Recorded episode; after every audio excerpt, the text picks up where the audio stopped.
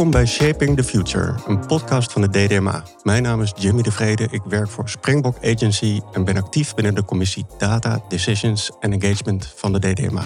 We gaan het hebben over large language models zoals ChatGPT en wat deze modellen betekenen voor het werk binnen marketing. Wat zal er veranderen en hoe ziet het marketingteam van de toekomst eruit? Hierover ga ik in gesprek met Saskia Nijs en Lee Boonstra. Saskia is Chief Human Technology Officer en adviseert bedrijven over technologie en de impact op werk. Lee is software engineer, tech lead en advocate bij Google en werkt met large language models. Welkom Saskia en Lee. Dank je. Voordat we van start gaan eh, met een aantal stellingen. Wat maakt dat jullie het onderwerp eh, belangrijk vinden? En maak je zelf al gebruik van eh, large language models? Lee? Ja, ik werk zelf voor het innovatieteam van Google, voor de Office of the CTO. En wij werken samen met ja, grote klanten om, om ja, te innoveren. En de projecten die wij doen, dat worden dan uiteindelijk Google-producten. En ja, large language models is natuurlijk een hot topic. Al vele jaren binnen Google. Zo gebruiken wij onder andere large language models voor het bouwen van chatbots, een contact center, uh, automatization. En ja, in mijn team gebruiken we voornamelijk het Lambda en Palm large language model voor prompt engineering, maar ook voor fine-tunen. Dat we dan samen doen voor specifieke use cases. En hoe lang werk je er al zelf mee? Ik kan me zo voorstellen dat je dan eerder toegang hebt. Ja, eh, ik, ik, zit in deze rol nu iets meer dan een jaar. Maar uh, voorheen uh, werkte ik voornamelijk op conversational AI. En ja, daar ben natuurlijk ook al large language models in gebruikt. Saskia. Ja, waarom vind ik het interessant? Is omdat eigenlijk mijn passie is om mensen hun potentieel meer te laten gebruiken. 70% van de medewerkers geeft aan dat ze binnen hun werk eigenlijk niet hun potentieel kunnen benutten. En AI biedt daar natuurlijk een hele grote kans. Robotisering ook. En daar doe ik onderzoek naar en ik help organisaties daarmee en uh, experimenteer. Want we weten natuurlijk helemaal nog mhm. niet waar het naartoe gaat. Dus ik combineer eigenlijk HR en IT en heb een marketingachtergrond. Dus uh, omdat ik ook wel vind dat het natuurlijk uiteindelijk wel een doel uh, moet dienen. En gebruik ik het zelf? Ja, ik gebruik het zelf, maar dan wel in, als experimenten. Okay. Dus ik, als er iets nieuws is, dan probeer ik het. Uh, om te kijken vooral van wat betekent het, wat doet het met me, welke taken zou het van mij over kunnen nemen. Heeft het jou al echt geholpen in zaken beter doen, sneller doen? Nee, vind ik nog niet. Omdat het allemaal nog ook nog wel in die zin zo in de kinderschoenen staat. Dat het heel erg voor uh, mensen met een technologieachtergrond wel goed inzetbaar is. Hè. Kijk nu naar ook een co-pilot van uh, Microsoft. En dat is nog niet algemeen inzetbaar. Het helpt me in die zin dat ik er geïnspireerd door raken. We gaan naar de stellingen. Zoals ik al net zei, we hebben een aantal stellingen. We gaan afwisselen tussen jullie twee. Graag eens of niet eens. En dan uh, na de stellingen is er voldoende ruimte om te nuanceren. De eerste stelling is voor Lee. Large language models zijn simpele tekstvoorspelmodellen. Ja. Saskia, voor jou met large language models zal werk alleen voor de happy few verbeteren. Nee. We zitten op een hype van large language models en in het algemeen van generatieve AI. Ja. Saskia, organisaties moeten nu versnellen. Nee. Laatste voor jullie allebei eigenlijk, vind ik wel interessant om te weten. Het is namelijk de nadelen en de risico's van large language models zijn zeer groot. Ja, zeker. Ja, ben ik het mee eens. Oké, dank jullie wel. Interessant. Laten we beginnen eigenlijk met een beetje waar de eerste stelling ook uh, over gaat. Wat zijn large language models precies? Ik ben wel benieuwd, Lee, hoe jij ze ziet. Kan je er een definitie van geven? Daarnaast ook, waarom zeg je eens op de stelling dat ze simpel zijn? Het lijkt me toch best wel geavanceerd als ik zo zie wat er gebeurt. Ja, ik nam ook het uitgangspunt van de eindgebruiker, hè, simpele tekstverwerken. Maar ja, om het een beetje uit te leggen, ja, wat zijn dan large language models? Eh, ik werk zelf als software engineer. En als ik uh, terugdenk aan hoe ik mijn carrière begon, 20 jaar geleden.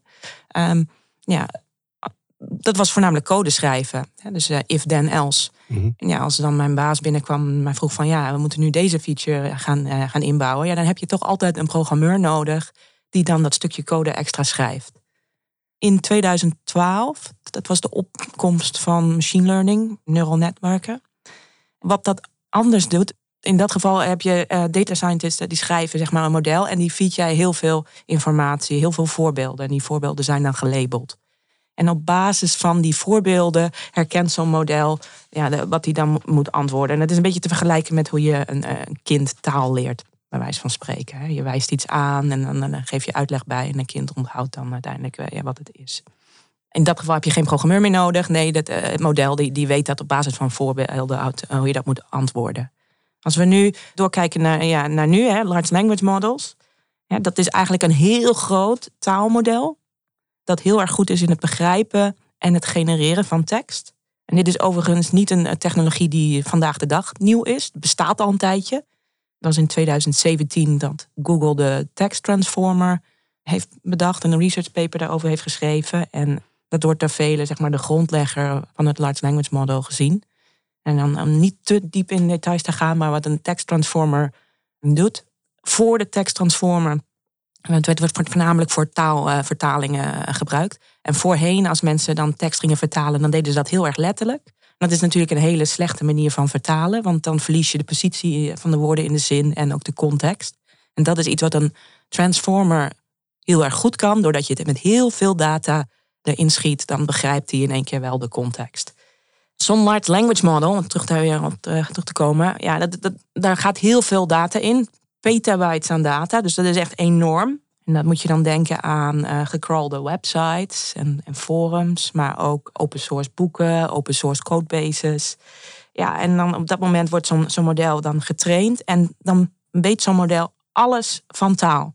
En dan kan hij ook antwoorden geven of, of iets teruggenereren. Wie traint het model? Is dat een specifieke groep van mensen of zijn we dat allemaal doordat Iedereen kan het trainen, maar het zijn voornamelijk de grote techpartijen die dat doen, zoals een Google en Microsoft en Salesforce. Kost ook heel veel geld en tijd om, om te trainen. En dan om weer terug te komen op van, ja, van waarom is het dan zo simpel? want ik zeg, en dan even los van de discussie uh, Bing en Bart, de zoekmachines, wat die allemaal mhm. doen. Maar wat, wat zo'n large language model doet, het is eigenlijk een simpele tekstgenerator. Het voorspelt de kans op het volgende woord op basis van wat hij aan data ooit gezien heeft. Hij zal nooit iets genereren wat hij nooit gezien heeft. En hij kan ook schadelijke dingen genereren, omdat hij bijvoorbeeld vooroordelen heeft gelezen op een forum. Of het genereert fake news, want het, het gaat echt per woord.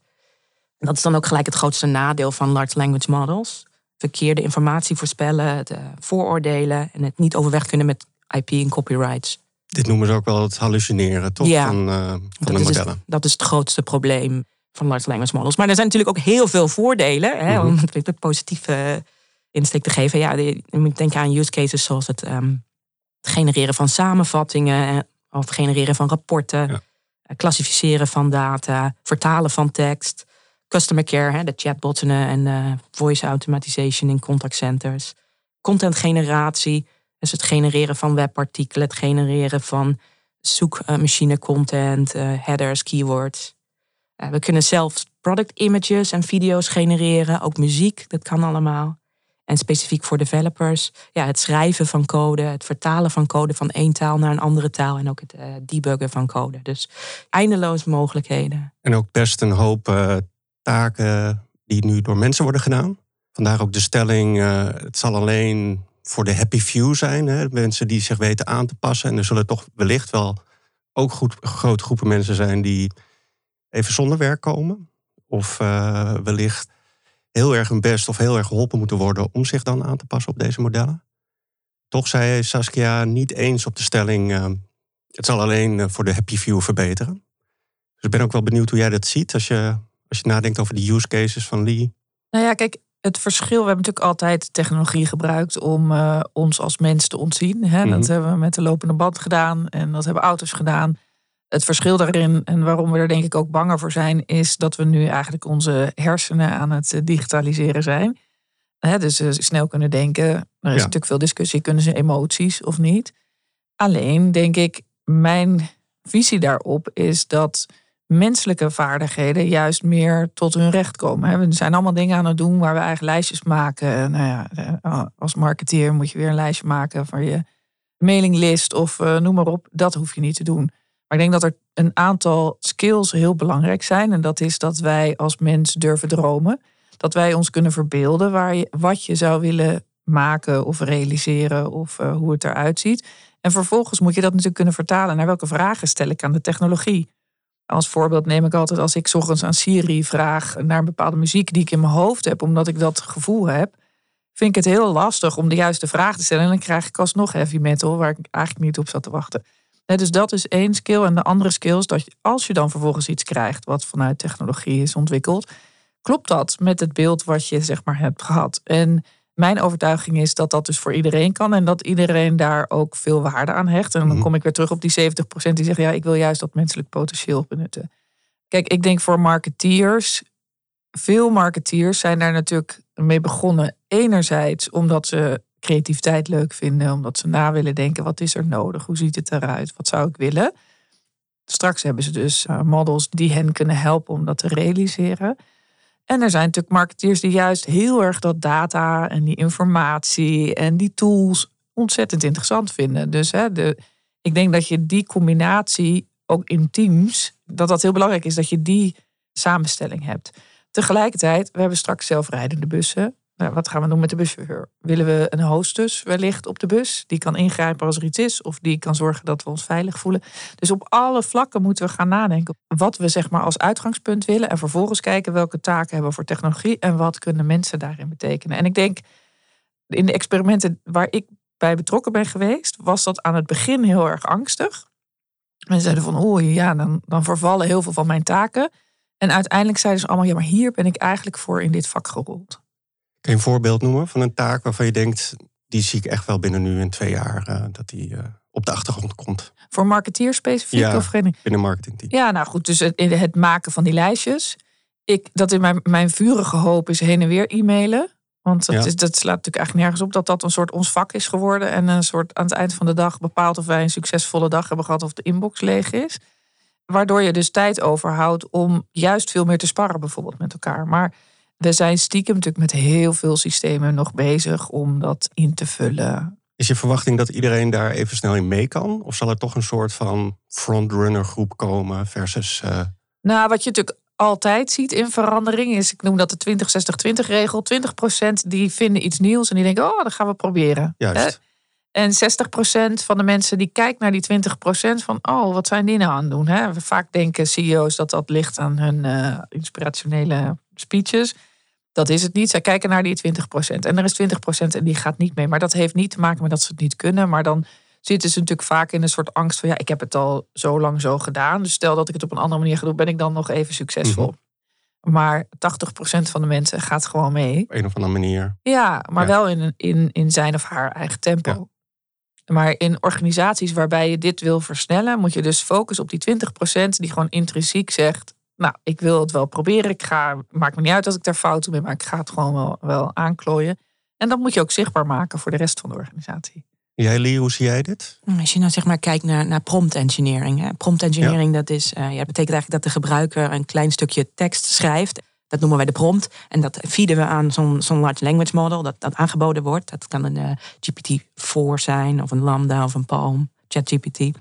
Op dat moment dat je dan zo'n zo'n prompt eh, invoert, dan genereert deze een tekst of een plaatje, een videootje, muziekje. En wat je nu al ziet, is dat prompt engineering op zichzelf al, eh, al een vak apart is. Het is nog best wel moeilijk om een goede prompt te schrijven. Het heeft ook echt wel meerdere pogingen nodig. Dat je je prompt moet aanpassen en corrigeren. En de output die het genereert is dan ook iedere keer anders. Daarnaast is het ook zo dat IT-afdelingen en developers, bedrijven, zullen moeten afwegen of ze bestaande modellen willen gaan gebruiken. Of dat ze zelf een model willen trainen op hun eigen data. Of dat ze een, een bestaand model pakken en dat ze deze gaan fine-tunen. Wat betekent dat je je eigen domeindata pakt en dan opnieuw zo'n model gaat trainen. Zodat het nog specifieker wordt. Kijk, er, zullen altijd marketeers nodig zijn. En in mijn geval ja, er zullen altijd developers nodig zijn. En er komen gewoon nieuwe taken en nieuwe rollen bij. Waaronder prompt engineer en developers met eh, large language model skills. Ook wel interessant wat je zegt over dat ja, de manieren, of je een eigen large language model gaat eh, ontwikkelen, of dat de juiste route is. Ik kan me zo voorstellen, binnen marketing is het natuurlijk belangrijk om onderscheidend te zijn. Als iedereen hetzelfde model gebruikt, ja, hoe ga je dat dan nog doen? Zeg je daarmee, oké, een oplossing kan zijn om een eigen instance te creëren, bijvoorbeeld. Dat kan, maar soms prompt engineering kan zelf ook al eh, heel veel. Want zo'n model Ja. genereert toch iedere keer andere output. En het is echt nog wel de kunst om, eh, om de juiste prompt te hebben. Ja. Kijk, eh, als voorbeeld geef ik vaak, stel dat jij een, een reisbureau hebt. En je denkt van nou, nu wil ik een large language model in mijn contactcenter zetten Ja. die je antwoorden kan geven. Het large language model zelf, die weet waarschijnlijk alles over alle landen van de wereld. Kan daar alles over vertellen. Maar over mm, welke prijzen en pakketten jij als bureau aanbiedt, dat weet zo'n model dan niet. En dat is dan dat extra laagje wat je dan moet toevoegen om, om het te fine-tunen. Als ik jullie zo hoor, dan uh, merk ik toch dat jullie mening over deze modellen, hè, dus, dus best wel een hype lijkt er op dit moment gaan. Op de stelling, we zitten op een hype, Lee, zei je ook eens. Toch hoor ik nou, veel nuance in jullie uitleg. Wat zal er dan wel veranderen, zeg maar concreet binnen het samenwerken, binnen marketingteam en het gebruik van large language models?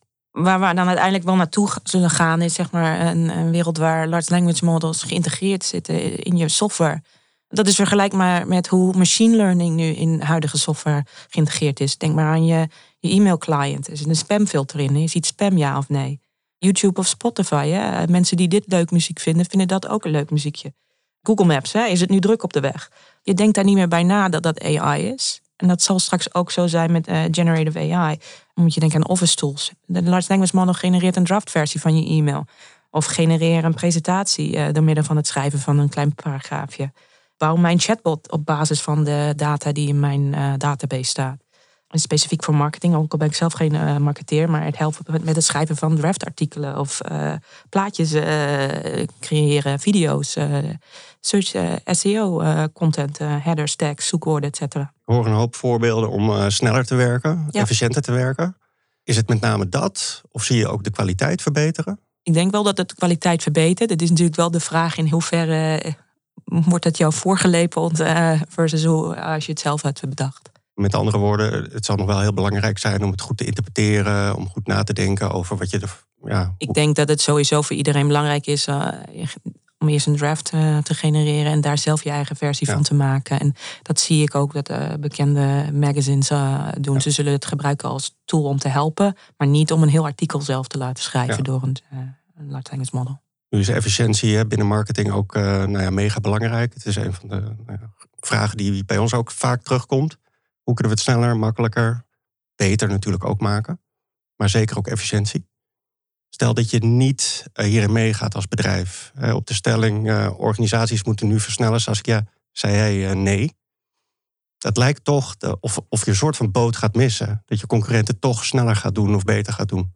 De reden waarom ik nee zei is omdat je er eerst over na moet denken.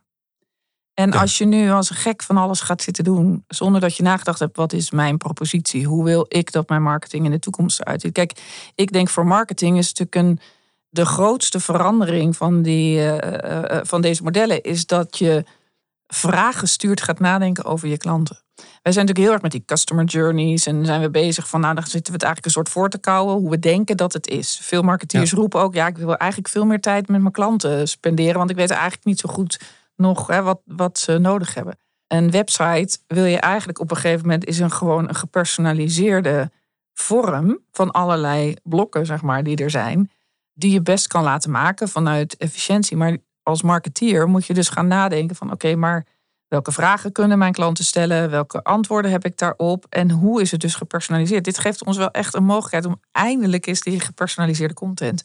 En dat een website er voor de een anders uitziet dan voor de ander.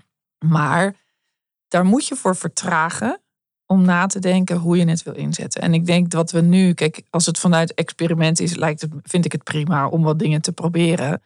Maar we zijn nu ook wel een beetje met z'n allen als kip zonder kop van oh, oh, we moeten er iets mee. En je toegevoegde waarde en ook je het verschil maken ten opzichte van anderen is juist na te denken van hoe wil ik dat mijn klanten bepaalde dingen ervaren of inzien.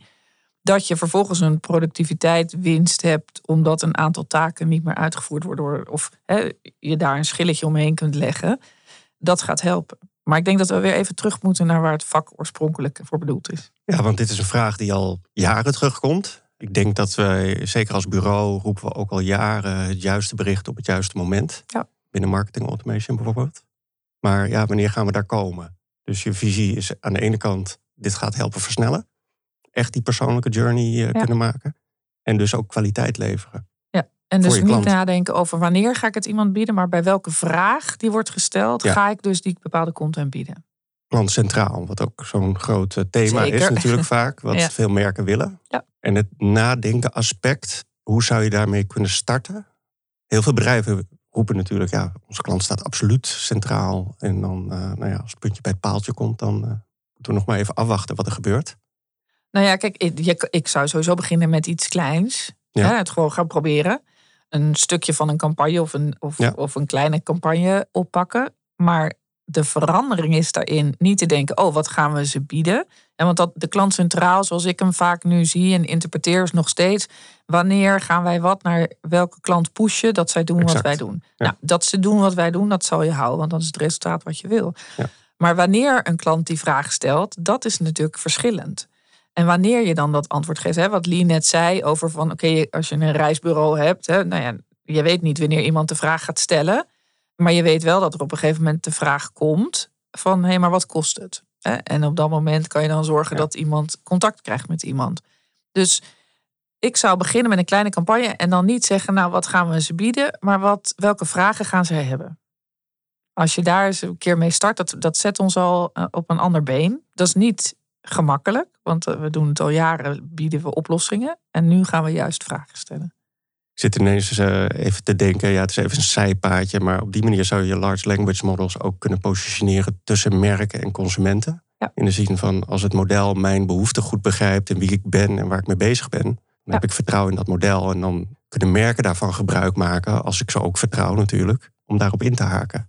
Heel mooi voorbeeld, hè? Wat, wat, wat ik aanraad aan bedrijven. Ja, als je iets verkoopt, zeg maar plaatjes genereren. Moet je je voorstellen dat als jij schoenen verkoopt of, of, of t-shirts, dat jij nu een, een t-shirt kan genereren op allerlei verschillende skinsoorten, huidskleuren. Dat is toch geniaal? Dan, dan, dat je gewoon ziet van, nou, zo komt het t-shirt eruit te zien op iemand zoals mij. Ja, volledig customized. Ja. ja. Dus de droom die we al lang hebben, gaat eh, wellicht uh, sneller komen Zeker. Met, met, deze modellen. Ja. Toch ook uh, een beetje ook richting de laatste stelling. Een, een, vraag die ook direct in mij opkomt rondom vertrouwen en data eigenlijk. Die modellen hebben data nodig om goed te werken. Als ze goed voor mij moeten werken, dan hebben ze mijn data nodig, stel ik me zo voor. Daar zit ook een risico aan vast, denk ik. Jullie zeiden ook beide, ja, op de, ja, met de modellen komen ook risico's en nadelen. Kan een van jullie ingaan op het aspect, uh, ja, hoe gaat dat met data gebeuren? Wij hebben bijvoorbeeld ook al klanten die vragen, wat is jullie advies? Moeten we ze gebruiken of moeten we ze nog niet gebruiken? Want we weten niet wat er met de data gebeurt. Er zijn een aantal dingen. Dus inderdaad, het, het privacy aspect, het bias aspect. Dat zijn allemaal dingen waar we heel goed over na moeten denken. Waar regelgeving voor nodig is, maar waar ook common sense eh, voor nodig is. Vandaar ook jouw antwoord. Uh, misschien niet te snel gaan, Daarom. maar eerst ook even goed nadenken. Ja, En, en dat goed organiseren. Dat, is, dat moet je gewoon goed organiseren dat dat zo is. Het tweede wat ik wel in mijn hele technologiecarrière zeg maar interessant vind, is dat wij als mens dat stel dat een computer het uitspuugt, zeg maar, dat we het geloven. Want de computer zegt het. Mm. En daar moeten we toch gaan leren van oké, maar wat zegt mijn gevoel daarover of mijn eigen common sense, zeg maar. Ik vind dat altijd wel heel bijzonder dat uh, als we dus iets vragen aan, een, uh, uh, aan Siri of iets en die geeft een antwoord, dat we dat voor waarnemen. Terwijl als je een je een vraag stelt aan je familielid of aan een vriend of vriendin, dan ga je dat ter discussie stellen. Dus wij stellen het niet ter discussie. Dat moeten we nu wel echt gaan doen. Interessant. Wat dat betreft ook helemaal niet gek dat die modellen dan een beetje hallucineren. Tuurlijk. Want dat maakt je bewust van, oké, hoe zit het precies? En laat ik het nog wel even dubbelchecken. Klopt. En daarmee ook hè, met het leren van de modellen uh, spelen, moeten wij wel ook een rol spelen. Aan de ene kant door het te organiseren hè, op privacy en bias enzovoort.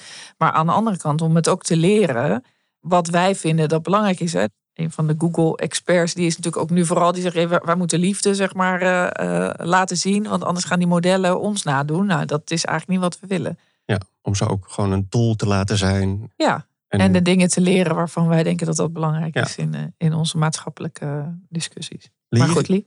Ja, jouw mening over, je zei ook, uh, ja, de risico's zijn groot. Dat is ook wel, nou ja, ik vind het ook wel bijzonder om te horen van, uh, van de mensen die er uh, dagelijks mee bezig zijn. het is natuurlijk ook in het nieuws geweest de afgelopen tijd. Juist de mensen die er verstand van hebben zeggen, misschien moeten we even nou, pas op de plaats maken. Nee, helemaal mee eens. Kijk, ik, een large language model, nogmaals, weet je, genereert de kans op het volgende woord. Ja. Dus het heeft niks met facts te maken. Dus ja, ja. Het, kan ja, onwaarheden verspreiden. En uh, een leuk testje als je met een, met een ChatGPT of zo praat. Je vraagt wat is 1 plus 1 en dan zegt hij ja dat is 2. Ja, Nee niet- hoor, dat is geen twee, dat is drie. Ja. Oh, sorry, Ja. ik ben maar een large language model. Ja, de kans op het volgende woord eh, om je excuses aan te bieden, dat, dat is de next step. Eh, weet je, het, het checkt geen feiten. En dan even los van wat, Bart en, en Bing en zoekmachines doen. Ja. Er zijn eh, voor use cases als het genereren van een draft e-mail of een, of een draft artikel. Ja, dat, eh, dat maakt niet uit, want ik ben dan de persoon die het opnieuw schrijft en, en, en de waarheden checkt. Maar ga je dit inzetten in een contactcenter en je wil live antwoorden on the fly genereren, en dan is dit super gevaarlijk. Ik zou dat zelf nu nog niet doen. Ik zou er altijd een, een laag tussen zetten. Ja. Het genereert eh, in een contactcenter, het genereert antwoorden en dan eh, komt er een laag die dat eh, in jouw messaging terug antwoordt aan jouw klanten. En wat zou je advies zijn, nog even terug op dat data-aspect, hè, van die hele concrete vraag die wij krijgen. Moeten we ons team, onze teams er nou mee laten werken? Of zeggen we, Het is een beetje het een grijs gebied. Dit, Ja. En het hangt een beetje ook natuurlijk af bij welk model je gebruikt. En of je Mhm. zijn eigen model gebruikt. Of Ja. je gebruikt een, een model van de grote partijen. Maar er is een reden waarom een, een tool zoals ChatGPT zo succesvol is. Zij hebben dat eh, live eh, beschikbaar gebracht. Ja. Om zelf een technologie te verbeteren. Dus eh, hoe meer mensen daar gebruik van gingen maken, hoe meer data er was om het opnieuw te fine-tunen Mhm. en een model beter te maken. Wat ik adviseer daarin is om dingen naast elkaar te draaien. Probeer het gewoon eens. Wat Ja. zouden wij doen? Wat zou eh, eh, een large language model eh, ons adviseren? Ik denk wel dat het nu nog wat vroeg is om je eigen data in al die modellen te zetten. Ja. En dat zeggen ze ook, en daar waarschuwen de grote techbedrijven ook voor. Hè? Van, joh, als jij die data hier importeert, dan wordt dat ook data van nou ja, het open veld waarmee we werken. Dus daar zou ik nog even voorzichtig mee zijn, Ja. want dat is nog niet voldoende ingericht. Maar ga het gewoon eens naast elkaar proberen. Dan zie je wat de verschillen zijn en dan leer je van elkaar. ik zie jou ook eh, ik wil inspringen. in, ja, ga je gang. Nick. Nee, ehm, kijk, op het moment dat de grote cloud providers eh, deze modellen gaan aanbieden, dan wordt dat wel in een eh, beschermde omgeving en security eh, gebracht. Dus dan is Ja. het niet zo dat als ik mijn, eh, mijn reisbureau data in, in het model zet en het train, dat dan vervolgens alle andere reisbureaus ook die data hebben. Nee, dan, dan, dan zit Ja. dat specifiek op jouw, ja, jouw domein, jouw, jouw cloud omgeving. Dat trainen, dat kost wel een hoop tijd en geld. Ja. Maar goed, maar dus, eh, ik ben het ermee eens hè, dat er gewoon heel bewust mee om wordt gegaan. Maar dat is nu, is het in sommige gevallen nog eh, dubieus. Dus dan zou ik dat nog even mee wachten. Dus Lee, jij zegt er komen oplossingen voor vanuit de cloudpartijen ook. Dat je dan inderdaad een eh, afgeschermde omgeving hebt. Maar intussen hebben we wel te maken met een bedrijf wat het live heeft gegooid. En eh, Nou, het eerste model is, de, is zeg maar uitgebracht. En Ja. je, je weet niet, op- het is heel Ja. belangrijk om te. Ja, de vraag is, like, wat voor data is er gebruikt eh, toen dat model in eerste instantie getraind is? Ja. is het, dat is ook de reden waarom er zoveel verschillende taalmodellen, large language modellen beschikbaar zijn. Hè? Je hebt de kleine, die heel specifiek zijn op health Ja. data. En je hebt de grote, die getraind is op alles, inclusief forumdata. Eh, waar staat alle rottigheid op? Ja, op, op, op publieke forums. Dus ja, ja dat, dat is een eh, afweging die jij moet maken als bedrijf. Welk eh, large language model gebruik ik als startpunt? En eh, ja, waar stop ik mijn data bij in? zien jullie de reactie van, ehm, dat hebben jullie ongetwijfeld eh, gezien, van Italië richting, eh richting OpenAI. Daarom als helemaal niet zo gek van, ja, wij kijken gewoon naar de wet, de GDPR. En eh, het is voor ons nog onvoldoende duidelijk wat er precies gebeurt met de data die mensen het model voeden. Of wat eruit komt. Vandaar dat wij zeggen, nou ja, stop maar even. Ja, ik ook die brief zeg maar van die grote Ja. tech denk ik, ja, Hetzelfde oh, voorbeeld. Het hetzelfde voorbeeld hebben. We moeten even een zomerstop Ja. Ik begrijp het vanuit het perspectief van oh, we, we weten het allemaal niet, dus het is heel angstig. Dus aan, aan wat laten we het over? Dus de overheid wordt een beetje later wakker, denk ik. Hè? Dat Ja. is een beetje dat, dat, dat, dat vind ik op zich jammer. Je gaat het nu toch niet kunnen stoppen. Maar het feit om dat zo te roepen, maakt natuurlijk wel dat je urgentie geeft aan dat er breder over na moet worden gedacht dan de partijen die dit natuurlijk ontwikkelen. Is er nog een ander nadeel waarvan je denkt, dit wil ik even benoemd hebben? Met name voor zeg maar, de gemiddelde marketeer, het marketingteam. En we hebben het nu gehad over de data, over bias. Nou ja, dus het niet voor lief nemen. Ja, dus kritisch, kritisch Blijf blijven kritisch, denken. blijf gewoon zelf nadenken. En niet als je iets ziet dat je denkt, ja, maar ja, hier staat het. Ja. Nou ja, als jij daar kritisch over bent, dan moet je het ook bevragen. Tegelijkertijd is dat ook wel heel verleidelijk, hè? want het lijkt, het lijkt waanzinnig goed. Je bent Ja. af en toe echt dat je denkt van wow. Maar je hebt ook andere dingen waarvan je denkt, Ja. "Hmm, dat klopt niet. Hmm. Ik hoorde gisteren een verhaal over eh, de tentoonstelling van Vermeer. Daar zit een soort AI-model over als je daar loopt. En Ja. bij het eh, melkmeisje wordt dan gezegd, kijk even goed naar de twee katten. En er zitten helemaal geen twee katten op. Als je dan inderdaad naar de data kijkt die daarachter zit, dan gaat het dus kennelijk in allerlei forums of blogs over katten en het melkmeisje. En dat pikt hij op. En dan pikt hij op. Ja. Maar goed, als je dat dus vertrouwt, dan denk ik, nou, twee katten. Ja, maar je moet dan wel met na blijven denken. volgens mij klopt dat even helemaal niet. Nou, op dit moment denk ik, dat is helemaal niet zo gek dat dat gebeurt. Nee, zeker niet. Precies wat je zegt, hè? mensen vertrouwen toch technologie wel snel. Of althans, eh, als de computer het zegt, is het waar. Dus laten we nog maar even hallucineren de komende tijd. Ja, maar waarom gaan we als mensen wel met elkaar in discussie en gaan we met technologie niet in discussie? Ja, misschien, misschien is dat de volgende stap dan ook. Ja. Dat het toch wel een beetje. eh, Dat, dat je. hè, Je kan natuurlijk weer een wedervraag stellen. Van hoe bedoel je twee katten? Ja, klopt. En dan zal hij zeggen: Oh, sorry. Het grappige is dat Ja. we deze discussie ook gehad hebben met Web 2.0 toen Wikipedia uitkwam. Zeker. Hè? En Ja. eh, mensen zeggen, maar ja, hoe kunnen we Wikipedia nou vertrouwen? Dat is ook maar iemand die het geschreven heeft. En, Juist. Ja, en qua strategie ook eh, binnen de, voor de partijen die dit dan ontwikkelen, zou je kunnen zeggen: nou ja, kom, kom maar niet met je meest fancy, beste model in één keer.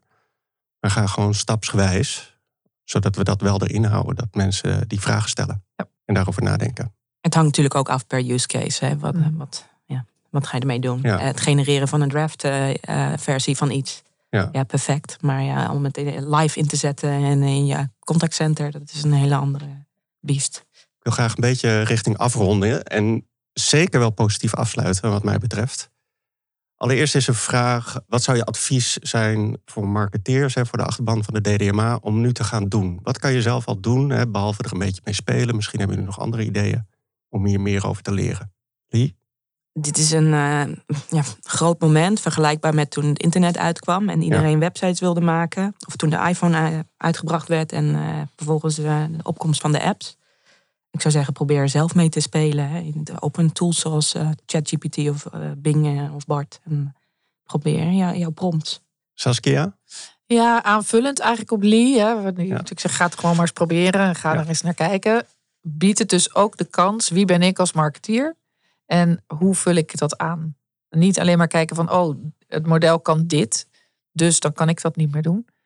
Maar na gaan denken over, oké, maar wat biedt het mij? Gisteren hadden we een discussie over schrijven. Hè? Mhm. Eh, Dan hoef je zelf niet meer te schrijven.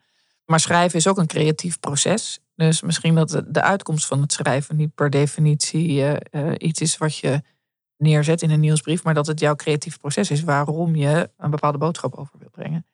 Dus ik vind het wel een uitdaging aan iedereen van wat is nou de rol van de marketeer, ik als mens, en, eh, en welke taken kan ik aan technologie overlaten. En ga dat maar eens met elkaar bespreken. Dank Saskia en Lee voor dit gesprek. Ik, eh, nou, super interessant om te horen vanuit jullie perspectief. Hoe jullie hier tegenaan kijken. Aan de ene kant vanuit de technologie, maar ook heel erg toepassing eh, vanuit jou Lee en Saskia. En natuurlijk op jouw expertise, werk. En wat ik er persoonlijk uit mee, ja, toch wel meeneem is een soort positieve conclusie. Dat we ons niet te gek moeten laten maken. Kijk, het is er nu en het zal eh, nog wel even blijven. Dus waarmee eh, aan het werk gaan, mee aan de slag gaan en eh, nou ja, niet je hoofd verliezen vooral. Als ik aan jullie mag vragen om nog met een soort van big bang of een slot conclusie te eindigen, wat zou dat dan zijn voor jou, Lee? Ja, large language models is een hele krachtige technologie die nog in de kinderschoenen staat. Ja, ze hebben de potentie om een revolutie teweeg te brengen voor heel veel industrieën. Maar nog volledig aan het begin dus. Jawel. To be continued. Ja. En Saskia? Ja, mijn motto is altijd robots werken en mensen leven. En eh, AI vraagt ons, wat mij betreft, om weer menselijk te zijn. Dank jullie wel nogmaals. Graag gedaan, leuk hier te zijn. Bedankt voor het luisteren naar deze aflevering van de podcast Shaping the Future van de DDMA. Wil je niets missen en meer leren over de belangrijkste langetermijn trends in data-driven marketing? Volg ons dan nu. En laat weten wat je van deze aflevering vond door een review achter te laten.